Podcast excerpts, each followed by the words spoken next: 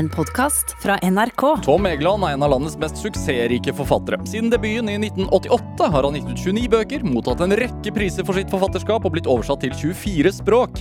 Egeland starta karrieren som journalist og har lang fartstid fra Aftenposten, TV 2 og Vi Menn. Og når han ikke jobber, dyrker han interessen for raske biler. Dette er Drivkraft med Vegard Larsen i NRK P2. Tom Egeland, velkommen til Drivkraft. God morgen, takk. Hvordan har du det? Jeg har det kjempebra. Fin sommerferie lagt bak meg. Godt i gang med manus til det som jeg håper blir neste års bok. Og har det i det hele tatt veldig bra. Er det én i året? De siste årene er det faktisk blitt det, så det er et slags mål så lenge jeg orker å holde det tempoet. Hvor lett er det å skrive når du har fått deg valp? Ikke spesielt lett. Eller det vil si, det er lett når den sover, men når den driver og biter i tærne dine, så er det noe med oppmerksomheten som uh, forsvinner litt. Men på den annen side så har valper uh, De er jo så søte og sjarmerende at uh, det får jeg leve med noen måneder. Ja. Er du hundeperson? Er du vokst opp med hund? Ja, men jeg har vokst opp med to rottweilere. Eh, det vi nå har, og den forrige hunden vi hadde, det er jo pudler. Eh, som mildt sagt er noe annerledes enn rottweilere, men fantastisk fine hunder og veldig smarte. Denne valpen vi nå har, som er ti uker gammel, har lært seg å sitte og gå i piruett og lyde navnet sitt, så vi prøver å lære ham opp, da. Ja. Hvor, hva veier man for og imot når man tar det skrittet? Vel, i mitt tilfelle så var nok datteren min, yngste datteren min, øh, veldig avgjørende. Fordi hun øh, er veldig glad i, i, hunder. Jeg var vel mer en som måtte overtales. Uh, vi fikk jo hund for 15-16 år siden første gang. Da skrev kona mi og datteren min en slags kontrakt til meg som, eh, som fortalte at jeg skulle slippe dette med tur og alle disse forpliktelsene som jo følger med en hund, men det gikk jo som det For å få deg med på laget, liksom? Ja, for at jeg skulle gå med på å kjøpe en hund, da. Jeg hadde mange innvendinger, og for så vidt saklige innvendinger. Du blir jo litt låst, ikke sant, eh, når du har en hund. Mm. Blir mye logistikk og men eh, jeg lot meg overtale, og, og, ble jo den som hadde mest kontakt med den hunden. Ja. Og den døde i vinter da han ble 15 år gammel. Eh, og da sa jeg til meg selv at nei, nå, ikke mer hund nå. Um, Fordi at man ikke orker tapet? Ja, aller først var det, var det begrunnelsen. Altså, det, det gjør jo så vondt å miste en hund. Du blir jo så veldig glad i dem. og så Jeg tror alle hunde- og katteeiere, alle kjæledyreiere kjenner igjen den sorgen du føler når du mister et dyr du har vært glad i. Så det var ett element. Og det andre er jo det praktiske. Jeg er jo jevnlig blir jeg jo invitert på bokbad eller litteraturfestivaler her og der. Og da blir det alltid et sånn logistisk spørsmål hvor kan hunden være da? Kan jeg dra dit hvis den Ikke sant? Så men uh, alle disse tingene er jo i bunn og grunn småting sammenlignet med all den gleden du har av en hund. Mm. Hvor sover den? Det er en pågående kamp. Den sover nå i uh, det vi kaller en hule, som er en slags sånn hundebag som står ved siden av sengen. Uh, vi prøver å oppdra den til ikke å sove i sengen. Uh, så får vi se hvordan det går. Hva heter den, da? Det, det er jo en bitte liten puddel, så den heter Fenris. Oppkalt etter eh, Fenrisulven i nordisk uh, mytologi. datteren min syns det var et festlig navn på ja. en liten puddel. Det kler vel deg også, gjør det ikke ja, det kanskje gjør det òg. Dette er Drivkraft med Vegard Larsen i NRK P2. Og i dag er forfatter Tom Egeland her hos meg i Drivkraft på NRK P2.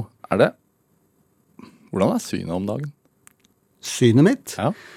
Det er brukbart. Eh, jeg vet ikke om du, har, om du nå sikter til en øyeoperasjon jeg gjennomgikk i juni. Altså, jeg eh, går jo jevnlig til kontroll på Ullevål pga. Ja, sånn, det heter ødemer på netthinnen som følge av diabetes 2 som jeg har. Uh, og da tittet øyelegen inn i øyet mitt, slik han gjør hver tredje måned, og sa utbrøt Oi, du har jo netthinneavløsning. Hva vil jeg si? Og det har jeg aldri hørt ordet. Har jeg det, så ja, du må legges inn nå. Så ring, hev han seg på telefonen og sendte meg opp en etasje på Ullevål og til kirurger, som da øh, det, det, høres jo veldig grotesk ut, men det de gjør, er jo at de punkterer øyet, tar ut den væsken som er inni øyet, øh, limer på med laser, eller hvordan de nå gjør det, netthinnen tilbake på plass, og så fyller de øyet med gass, som langsomt fordrives av ny øyevæske. Så det var jo en interessant opplevelse. Eh, jeg hadde som barn Jeg husker jeg besøkte min bestefar, som eh, hadde hatt en øyeoperasjon. Og helt siden den dagen, jeg kan jo ikke ha vært mer enn åtte-ti år, så har min største skrekk vært typ sprøyte i øyet, eller at noen skal drive og pirke i øynene mine. Jeg har brukt kontaktlinser og briller i alle år fordi utsiktene til laseroperasjon på øyet ditt høres aldeles eh, grusomt ut, så jeg har ikke turt. Har du brukt det noen gang i, i litteraturen din? Er det noen som har fått en sprøyte i øyet? Nei, det tror jeg Der går grensen. Nei, jeg har ikke, jeg har ikke det. Men eh, så dette var jo um, Altså, det, det, gikk jo veldig greit. Det er jo ikke Altså, det er jo mest det psykiske knyttet til at øyet føles så sårbart. Mm. Men eh, det er jo ikke noe verre å få et sprøyte i øyet enn i armen. Altså litt vondt gjør jo uansett, og så høres det veldig rart ut å tømme øyet for væske og erstatte det med gass, men dette er jo flinke kirurger på øyeavdelingen på Ullevål. Men man, altså grunnen til at det måtte skje der og da, er at man faktisk Altså at det er stor fare for å bli blind eller få ja, altså synshemming hvis det ikke skjer? I verste fall så kan jo, ja, dette googler man jo, ja. Eh, kan jo en netthinneavløsning føre til blindhet. Så det er jo bra at de tar det alvorlig. Ja. Er du en Det må jo være noe av det verste som kan skje en forfatter? da? Å bli blind? Ja. Ja. Øh, jeg har jo skjenket øh, tanker. Altså vil jeg helst blitt blind eller døv, f.eks. Ja. Uh, det er klart, synet er jo ekstremt viktig og verdifullt. Altså, jeg tror nok selve forfatteryrket ville jeg nok kunne bedrive. Jeg antar det fins liksom tastaturer og ting og tang som gjør at du kan skrive selv om du er blind. Mm.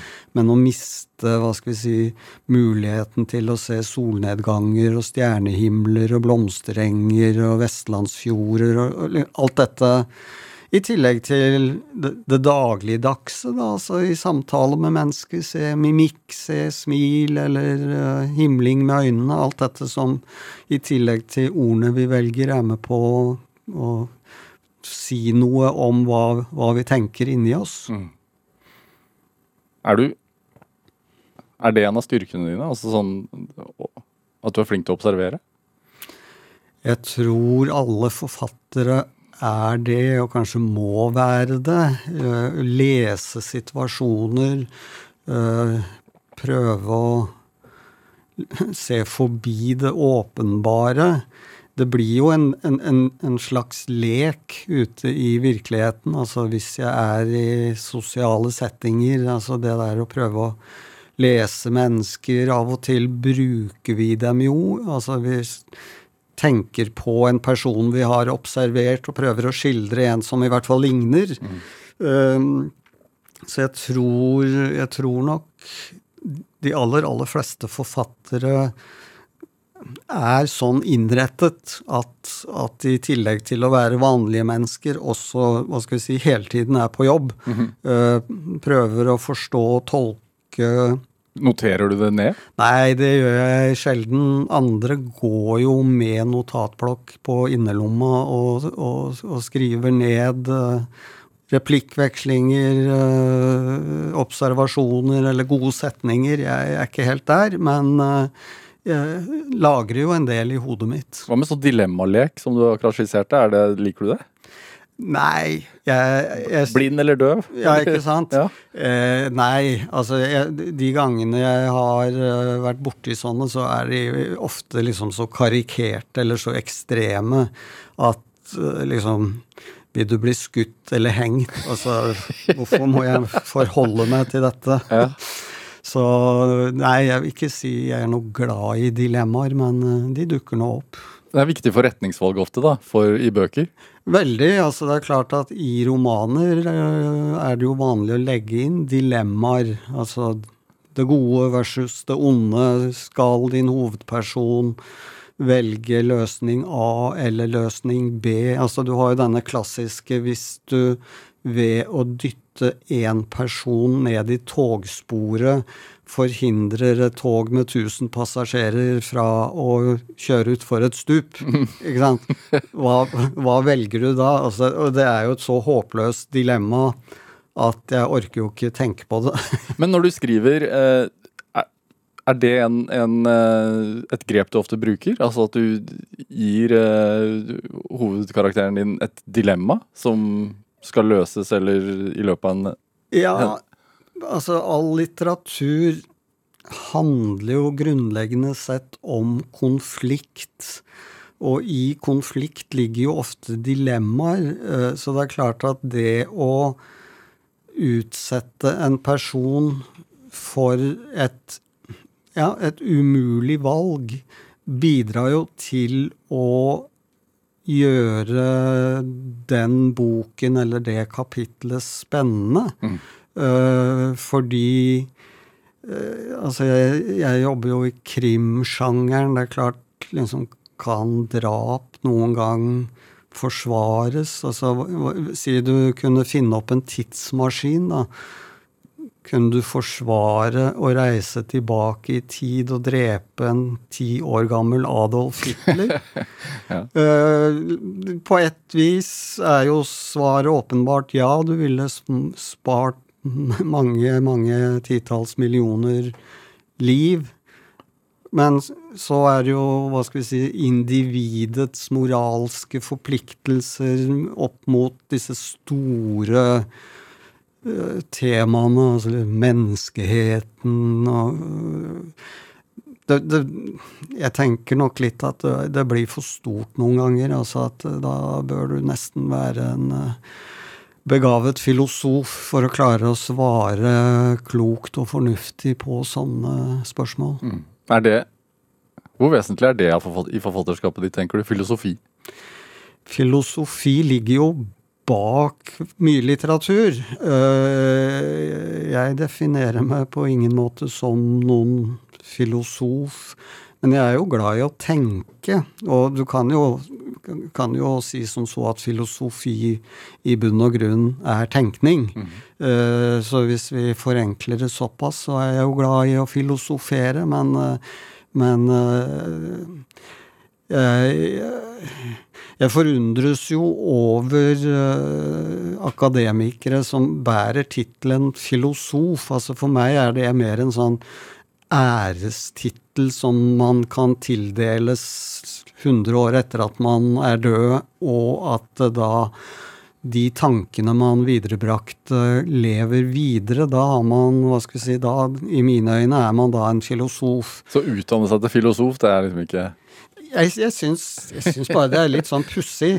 Men jeg syns jo det er litt pussig å bli litteraturviter òg, jeg. Altså, det er mye sånn Hvorfor det? Nei, altså, det, altså Den amerikanske forfatteren Stephen King eh, sammenlignet det en gang med å være, altså det å være litteraturviter med å være en sommerfuglsamler. Eh, og så er du ute på en blomstereng, og så ser du den vakreste sommerfuglen, og så løper du etter den, og så fanger du den i håven din, og så dreper du den med eter, og så stikker du nåler i den og henger den opp på veggen, og så er den ikke vakker lenger. Snakker du om litteraturkritikerne, da? Ja, det, altså det og Jeg har jo vært kritiker selv, Ja. så jeg skal være forsiktig med det. Men det er, det er jo klart at enhver akademisk, analytisk tilnærming til et litterært verk øh, altså, det skjer noe der. Altså, du som leser kan være utrolig betatt av f.eks. en roman, da, eller en diktsamling og den sier noe til deg, da er jo det en individuell og ekte opplevelse. Og så kommer en kritiker og sier at dette er jo det største vrøvlet og mølet jeg har lest på år og dag. Ja. Eh, Altså, hvem har da rett? Eh, så så eh, jeg har vel eh, Altså, jeg, jeg, jeg, jeg, spøker jo litt nå, for det er jo klart at faget litteraturvitenskap er jo viktig nok. Men for oss som sitter og skriver disse bøkene, i den grad vi i det hele tatt blir lest av litteraturvitere, øh, blir jo fortalt hva vi driver med. Altså det er jo retninger innen Litviten hvor uh, liksom forfatterens intensjon er nærmest uh, uviktig, fordi verket står på sine egne ben. Uh, for meg blir det litt akademisk, men vel, vel og bra. Blir du provosert over andres lesning av deg? Altså, eller andres, andres analyser av deg? Nei. Det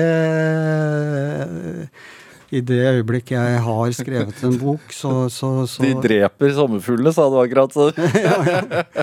det, er- Ja, det er jo Nei, men altså Det er jo sånn altså enhver forfatter og enhver bok har jo øh, begeistrede lesere, og lesere som ikke liker boken eller forfatterskapet. Og, og det er jo helt greit. Altså, alle liker ikke alt. Eh, så, så det fine må jo være å treffe mange nok til at du blir en interessant forfatter for en ganske stor gruppe. Og så vil du selvsagt også finne alt fra kritikere til vanlige lesere som ikke liker det du skriver, og det er jo helt fair. Det er masse bøker jeg ikke liker, og det, det Sånn er jo virkeligheten. Det er kanskje lettere å si når man har solgt over en million eksemplarer. Ja, og, og det, er, det er jo et privilegium. Altså, de fleste norske forfattere selger jo ikke all verden. Eh, Det, det, og med de siste fem-ti årenes utvikling i mediene, så blir det jo heller ikke omtalt. Altså, debutanter utkommer til den store stillheten. Eh, Du tror kanskje du har skrevet et mesterverk, og så selger den 300 pluss innkjøpsordningen. Altså i praksis familien din og vennekretsen og noen spesielt interesserte på Blindern. Og det er jo, det er jo leit. Eh, Det er veldig, veldig mange gode bøker som hadde fortjent mange, mange flere lesere. Og så er vi vel, eh, ja, hvor mange kan vi være? 20-30-40 norske forfattere som hva skal vi si, er så privilegert at vi kan leve av å være forfattere. De aller, aller fleste forfattere jeg kjenner, og det er ganske mange med, med årene, må jo ha andre jobber ved siden av. Eller være så heldige at de tildeles et stipend et år eller tre. Altså, du debuterte jo i 88. Mm. Det tok likevel ganske mange år før du ikke hadde en jobb ved siden av. Ja, altså jeg ble journalist øh, 19-20 år gammel. Det var nok fordi det var det nærmeste jeg kunne komme å leve av å skrive. Drømmen min var jo å være forfatter. Altså jeg hadde aldri noen sånn egentlig drøm om å bli journalist. Det var mer et, et si, et, et steg på veien. Det handlet om å skrive og være nysgjerrig og oppleve ting. Uh, men så havner du jo fort i en yrkeskarriere, og med årene begynte jeg å få god lønn, og hadde jo spennende jobber. Altså, jeg var først reporter i mange år, men i Aftenposten ble jeg det som kalles vaktsjef, som på en måte i praksis lager avisen.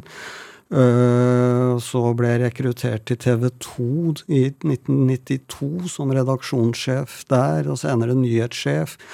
Og da, da, da, da er du jo, hva skal vi si, da er du jo litt mer sånn på baksiden av arbeidet. Altså det er administrativt, og det er styring og, og, og sånne ting. Mm. Men uh, i 2006 så kom jeg til et punkt hvor dels jeg hadde begynt å selge bøker. Uh, jeg begynte å tjene penger, eller gode penger på det. Mm.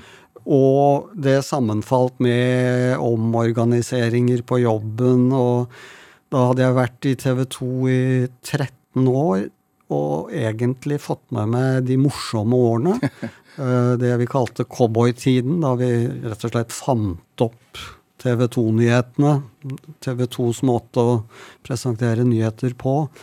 Men eh, jeg hadde jo en stadig følelse av sånn been there, done that. Ting begynte å bli litt kjedelig. Mm. Og da hadde jeg jo det privilegium da, at jeg kunne velge vil jeg fortsette i journalistikken. Og blitt en sånn sur sjef inne i et hjørnekontor eller gjøre noe helt annet.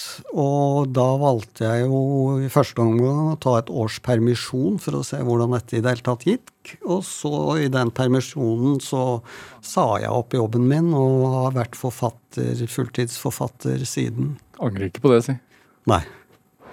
Dette er Drivkraft med Vegard Larsen i NRK P2. Og i dag er forfatter Tom Egeland her hos meg i Drivkraft på NRK P2. Fra Kalbakken? Mm. Hva, hva, slags sted er det? Det ligger på Grorud, i Groruddalen. Et lite uh, drabantbyområde.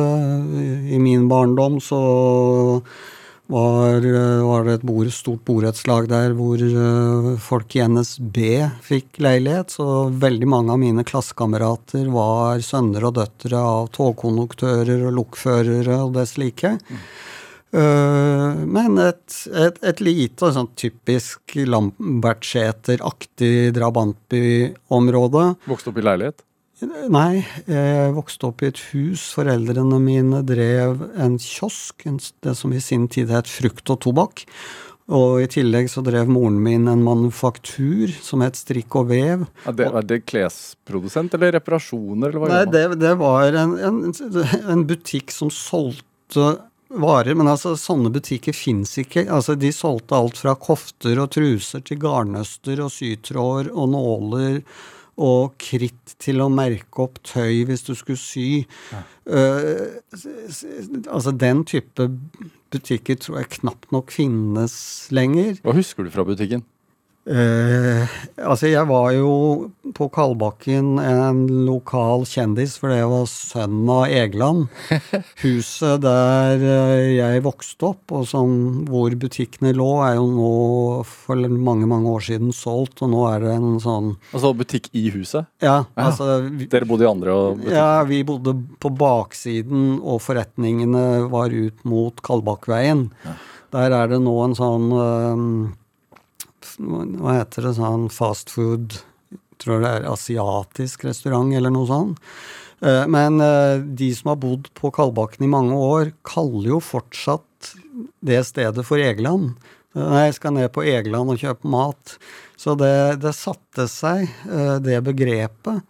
Men det er jo veldig rart når jeg nå kjører forbi denne kiosken og mitt barndomshjem, da, og, og, og, se hvordan det er der. Jeg bodde jo der i nesten 20 år. Ja.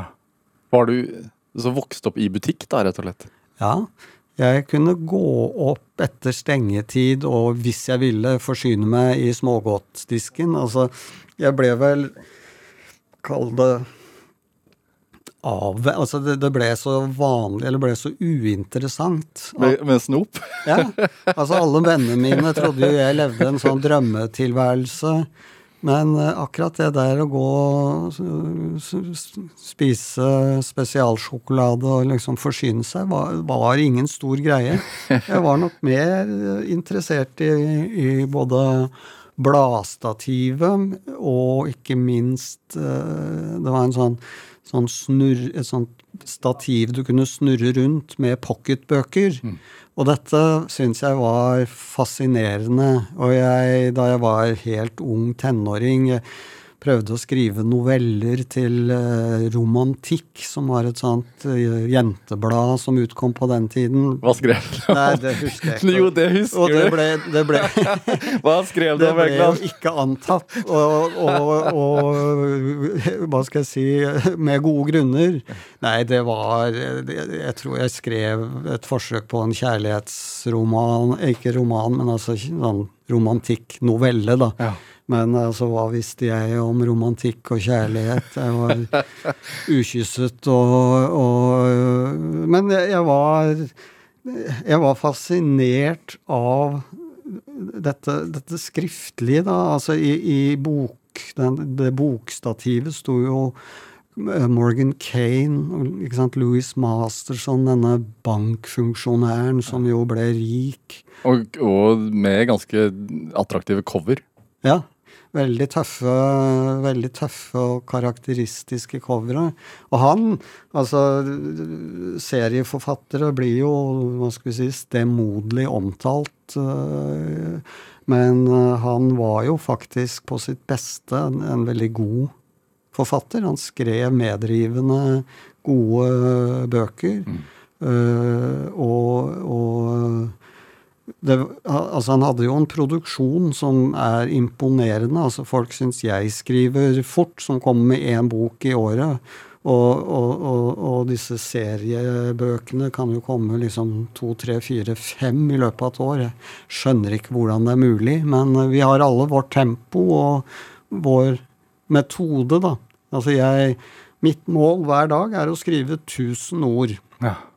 Ikke sånn, det er ikke et liksom gudegitt mål. altså Det hender jeg ikke klarer det. Hver dag. Ja. Ja. Eller i hvert fall arbeids fem dager i uken, da. Uh, og det hender jeg skriver mer, men først og fremst er det for meg et realistisk mål. Altså på en go god dag så greier jeg fint å skrive 1000 ord. Og det gir meg en veldig god planleggingshorisont. Jeg kan si til forlaget mitt at jeg leverer første versjon av manus den og den måneden.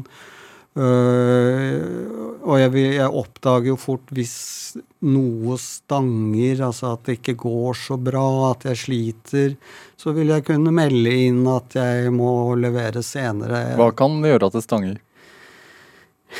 Det er jo når du ikke vet hvor du skal, eller du skriver deg inn i et hjørne, som vi sier. Altså at vi håper jo hele veien at vi liksom Løsninger pleier å dukke opp.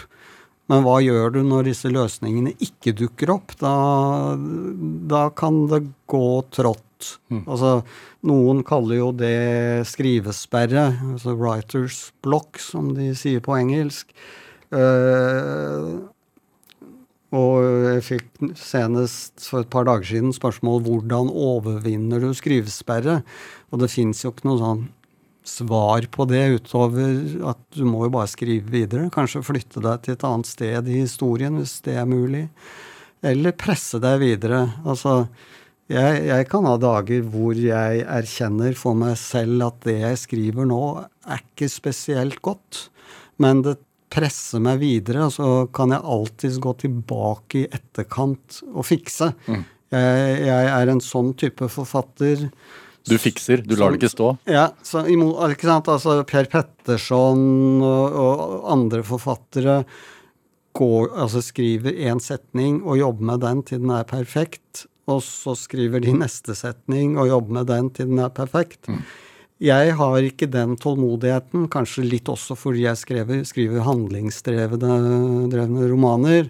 Men, så jeg skriver fort og gæli, og så jobber jeg veldig, veldig mye med etterarbeid, redigering, stryking, ornamentering, som jeg kaller det. Altså det å prøve å skrive litt uh, fikse setninger og formuleringer. Mm. Uh, helt til jeg blir fornøyd, eller så fornøyd man kan bli. Man blir jo aldri helt fornøyd. Hvor viktig er såkalt sånn cliffhanger når man skriver den type litteratur som du gjør? Det er jo viktig fordi du hele tiden vil drive leseren din videre. Når var du sist sånn ordentlig fornøyd med en cliffhanger?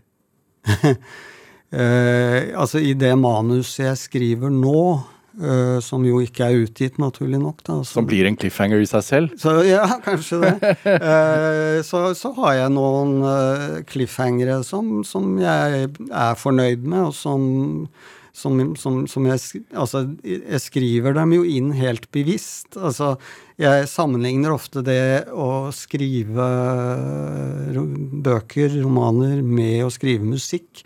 Du må ha temposkifter, du må ha cymbaler og basuner, og så må du ha noen strykere og noen klarinetter og noen horn. Altså den variasjonen. Så liksom, etter en bra cliffhanger så liker jeg gjerne å senke tempo, kanskje ha noen avsnitt med ren refleksjon eller filosofering. La leseren vente ja. før den får svaret? Ja. ja. Så, ikke sant, altså Litteratur, i likhet med alt annet, er jo også teknikker. Ja. Altså I beste fall så går det jo opp i en større enhet og blir kunst eller noe, no, noe, mer, men altså selv de største malerne våre, de største komponistene, la jo til grunn sitt håndverks teknikker. Og da er det jo sånn at noen er så begavet eller geniale at det blir stor kunst av det. Og for de fleste andre av oss så blir det forhåpentligvis i hvert fall brukbart. Hvilken teknikk er din, altså mestrer du best, føler du? Uh, jeg er nok bedre på å skildre konkrete scener. Uh, tålelig fornøyd med dialoger. Jeg er ikke så veldig god på det der som noen forfattere er kjempeflinke til, altså å si sammenfatte en persons liv på tre avsnitt. Eller en time, som vi holder på med her. Ja, det, ikke sant. Det, det, det syns jeg kan være vanskelig rent sånn teknisk. Men, da blir det jo veldig sånn at du, du, du lener deg jo fort mot det du føler du mestrer, og så demper du det du ikke er så god på. Egeland, vi skal spille litt musikk, siden du nevner at eh, litteratur for deg er litt sånn som musikk. Vi skal spille Eagles, Hotel California. Er det liksom soundtracket til ditt liv? ja, altså jeg hørte, husker den dag i dag, den uh, Jeg gikk på Oslo katedralskole, og vi var en flokk som skulle hjem til en uh, jente i klassen som hadde bodde like i nærheten, og vi skulle høre en ny plate, som var altså Hotel California med med The Eagles. Og jeg husker den dag i dag hvor utrolig flott jeg syns den låta var. Og, og, og, den følelsen har aldri gitt seg, så Hotel California står på min liste over I hvert fall ti på toppliste da, over flotte pop- og rockefavoritter. Ja, Du må spille den helt til gitarsoloen, sa de. Ja, altså det er jo det irriterende når du hører den på radio, og de liksom Når gitarsoloen kommer, så fader de ut. Altså, gitarsoloen er jo kanskje det viktigste i hele låta. Ja. Skal vi høre? Ja.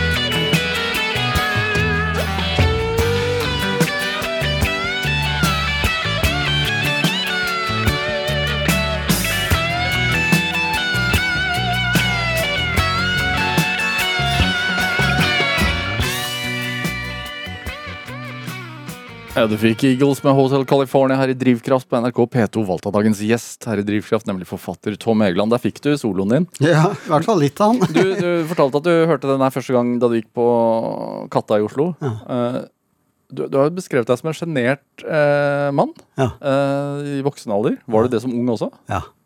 Alltid vært sjenert. Hvorfor det?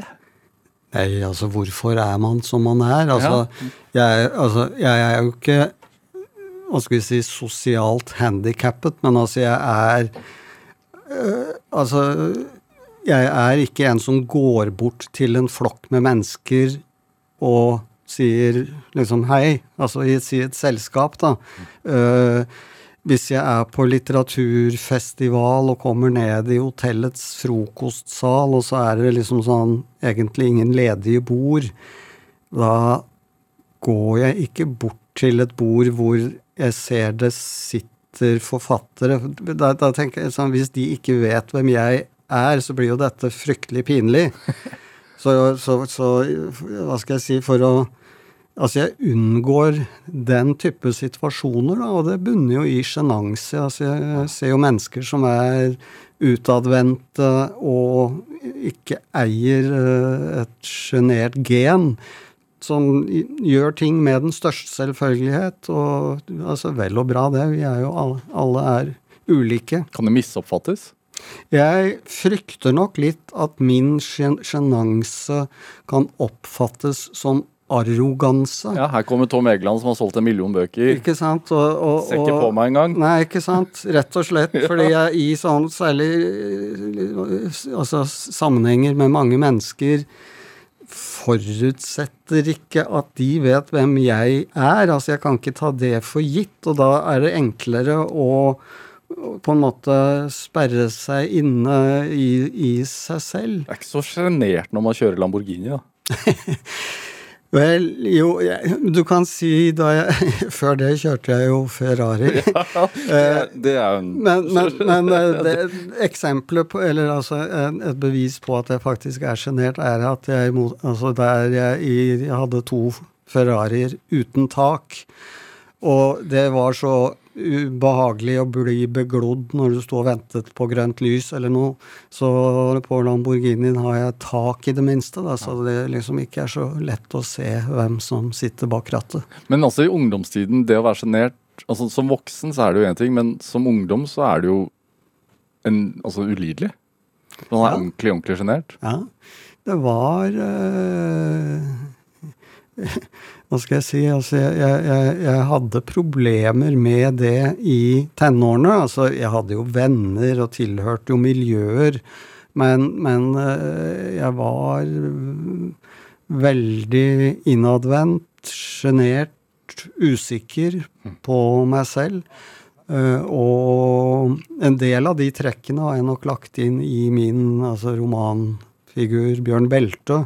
Bare overdrevet dem veldig. Han er jo hundre ganger mer ekstrem enn jeg noen gang har vært.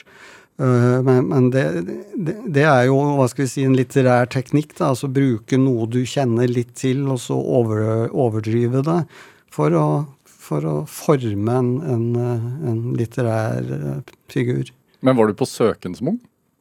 Du er jo på søken i litteraturen din. Du, går jo, du graver deg ofte ned i et kaninhull og søker Ja, altså jeg, jeg, jeg Som, som 12-13-åring så var jeg veldig sånn TenSing-kristen. Og gikk for, gikk for, presten for å konfirmeres. På, eget, på eget initiativ? Ja, eller altså det, det, er jo det vedvarende samfunnspresset, familiepresset, liksom. Man skal jo konfirmeres. Men var det et kristent hjem? Nei, ikke, ikke et ikke et ikke-kristent hjem, men ikke et påfallende kristent hjem heller. Eh, men jeg avbrøt, eller brøt, med konfirmasjonsforberedelsene, rett og slett fordi det var ikke noe å konfirmere. Eh, jeg erkjente at jeg trodde ikke på noen gud. Uh, og paradoksalt nok, noen år senere, da jeg bodde et år i USA som utvekslingselev så I Denver? I Denver og senere Salt Lake City, så endte jeg opp hos en mormonfamilie. Mm. Og levde tett på dem i et år, og var med dem i kirken og bibelgrupper og studiegrupper. og så det var jo som et uh, rent sånn sosialantropologisk feltstudie. Kjempeinteressant. Men det å reise ut i forholdsvis ung alder til USA til noe ukjent, er jo da Da presser du deg selv, da, hvis du er veldig introvert og sjenert? Ja, det kan du godt si. Det gjorde jeg nok. Og det var Jeg har jo fortsatt i anførsel mareritt om de opplevelsene jeg hadde da jeg kom altså til en ny gigantskole og skal inn i et klasserom som ny elev og litt sånn eksotisk, liksom He's an exchange student from Norway. Liksom, alle på deg. Alle blikkene og nysgjerrigheten. Uh, så det, det, det, var mange utfordringer. Men altså på en annen side, det er klart du vokser jo på det også. Mm. Uh, du vokser jo på Altså jeg var jo i mange år takket jeg jo nei til bokbad. Rett og slett fordi det var så ubehagelig for meg å snakke i forsamlinger for så vidt radiostudioer òg, for den saks skyld. Eh, jeg mislikte det så intenst, så jeg takket nei. Men så opplever du jo det, eller erfarer det, at når du gjør det, så er det jo ikke så gærent som du trodde, da. Uh, og sånn at med årene Nå er jeg jo hva er jeg, 63, så du kan si jeg har jo vokst av meg det verste av, av, dette her. Altså, jeg fungerer jo greit sosialt, men, men, men, liksom kjernen i meg er jo fortsatt grunnleggende sjenert. Ja. Hm. Hvordan tror du Tom Egeland 13 da hadde sett på Tom Egeland 63? Han hadde jo i hvert fall vært mektig imponert over at han hadde lyktes som forfatter. Og, ja, For det var et mål allerede den gangen? Ja, det var helt fra jeg, jeg, leste 'Frendeløs', eller moren min leste den for meg, tror jeg, av Hector Melot. Mm. Veldig rørende historie, og jeg ble så grepet at jeg sporenstreks uh, Om en gutt som blir sendt bort, eller noe sånt? Ja, en foreldreløs gutt som, som er med en sånn omreisende spillmann og Ja. Men jeg, jeg skrev jo umiddelbart et øh, eklatant plagiat om en liten gutt som Men, men det ble, jeg tror det ble to håndskrevne A4-sider før eh, den romanen var ferdig. Men jeg husker da at den tanken våknet i meg, nemlig tenk å kunne skrive på en sånn måte måte at jeg bergtar noen mennesker slik denne romanen bergtok meg. For å bli likt, eller for å bli sett, eller? Nei, det handler vel Altså, hvis jeg Ville jeg bli likt, så ville jeg vel hatt ambisjon om å bli popstjerne eller noe sånt, men Er man sjenert, så er forfatterskap et godt ja, alternativ. Ikke sant? Og, og det er noe med at altså en en, et, et, ønske om å for å si det banalt, glede lesere. Altså hvis jeg klarer Altså de, de, tilbakemeldingene jeg setter størst pris på, er jo sånn Jeg lå oppe til fire i natt, jeg klarte jo ikke å legge den fra meg, eller jeg ble solbrent på stranden på Las Palmas fordi jeg ble liggende altfor lenge. Ja. Altså det der å gripe leseren altså For jeg, som leser elsker jo jeg selv å bli grepet. Det er det der å, å ha en bok som hele tiden trekker deg trekker deg til seg, er så fantastisk følelse. Sånn at i den grad jeg klarer å skape den følelsen hos i hvert fall noen, eh, så, så er det i seg selv det jeg drømmer om. Mm. Og så er det jo klart at, som jeg spøkefullt sier, å være forfatter er bedre enn å jobbe. Altså, jeg har jo verdens beste jobb. Jeg står opp om morgenen og setter meg ved PC-en og lager meg kaffe.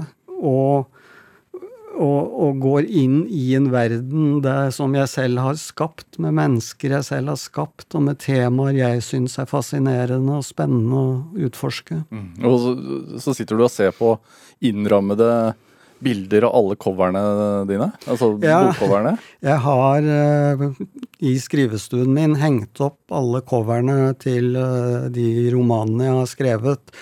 Uh, i stor grad fungerer det som en trøst de gangene jeg syns det går trått og jeg sliter. Så kan jeg i hvert fall titte opp og tenke jeg har i hvert fall fått det til før. Uh, så, så, ja, det er en slags sånn personlig skrytevegg, da. Det er ikke så veldig mange som ser den. det virker jo altså sånn det virker jo som at det har gått ganske lett. og Selvfølgelig er det masse hardt arbeid med forfatterskapet. Når har du møtt mest motstand?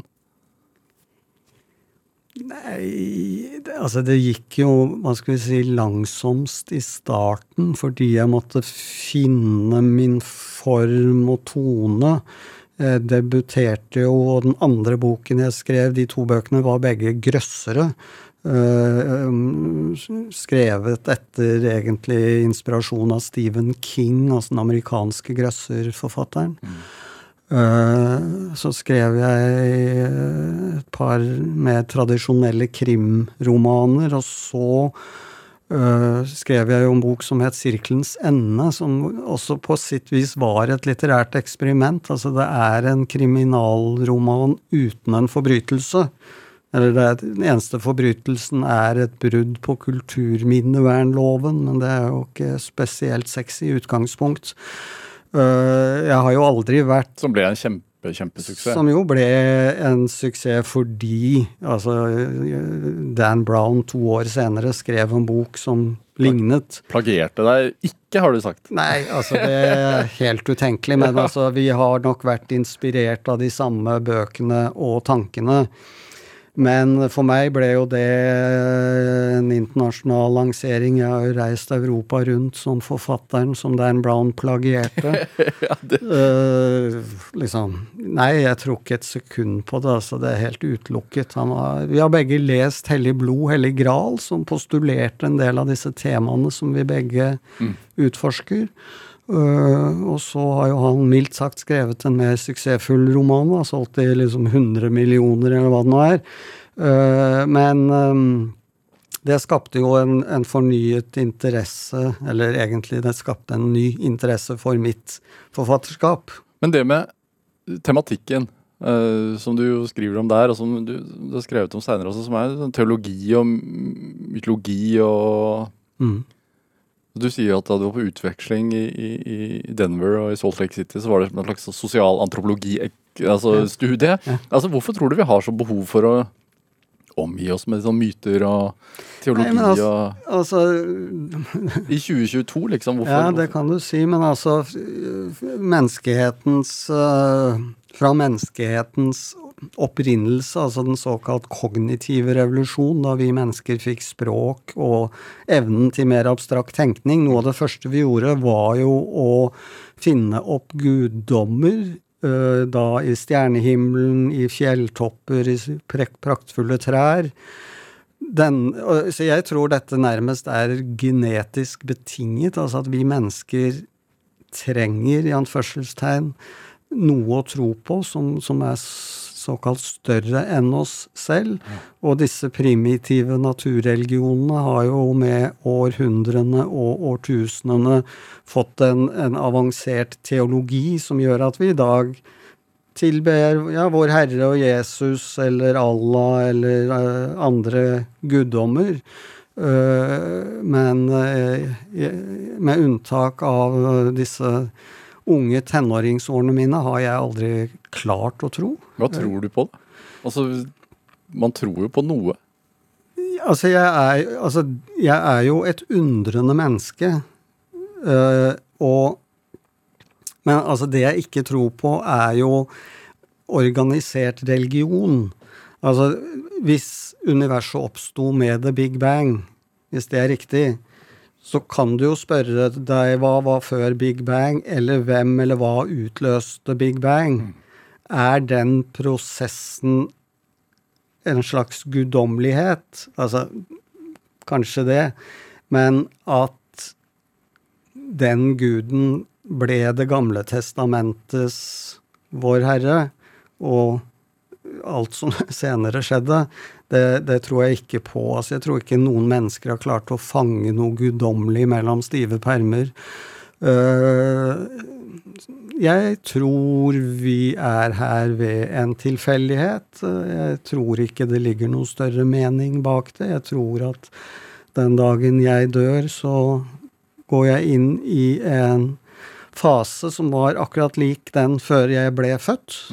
Uh, men jeg forstår jo, og jeg respekterer jo at andre mennesker ønsker å tro og vil tro og må tro og håpe på en ja, paradisisk ettertilværelse. Og, men, men Men historieinteressen din, er det, er det et produkt av av å forstå? Ja, altså historien sier jo mye om oss mennesker og, og, hva skal vi si, politikk. Altså, la oss gå til USA og Trump, altså denne kultlignende dyrkelsen av Trump. Klarer du å finne paralleller i verdenshistorien? Altså, Hitler hadde jo store deler av Tyskland med seg, Mussolini, Franco, tilbake til romerne. Ikke sant? Altså, de sterke menn ble jo dyrket nærmest som gud guddommer.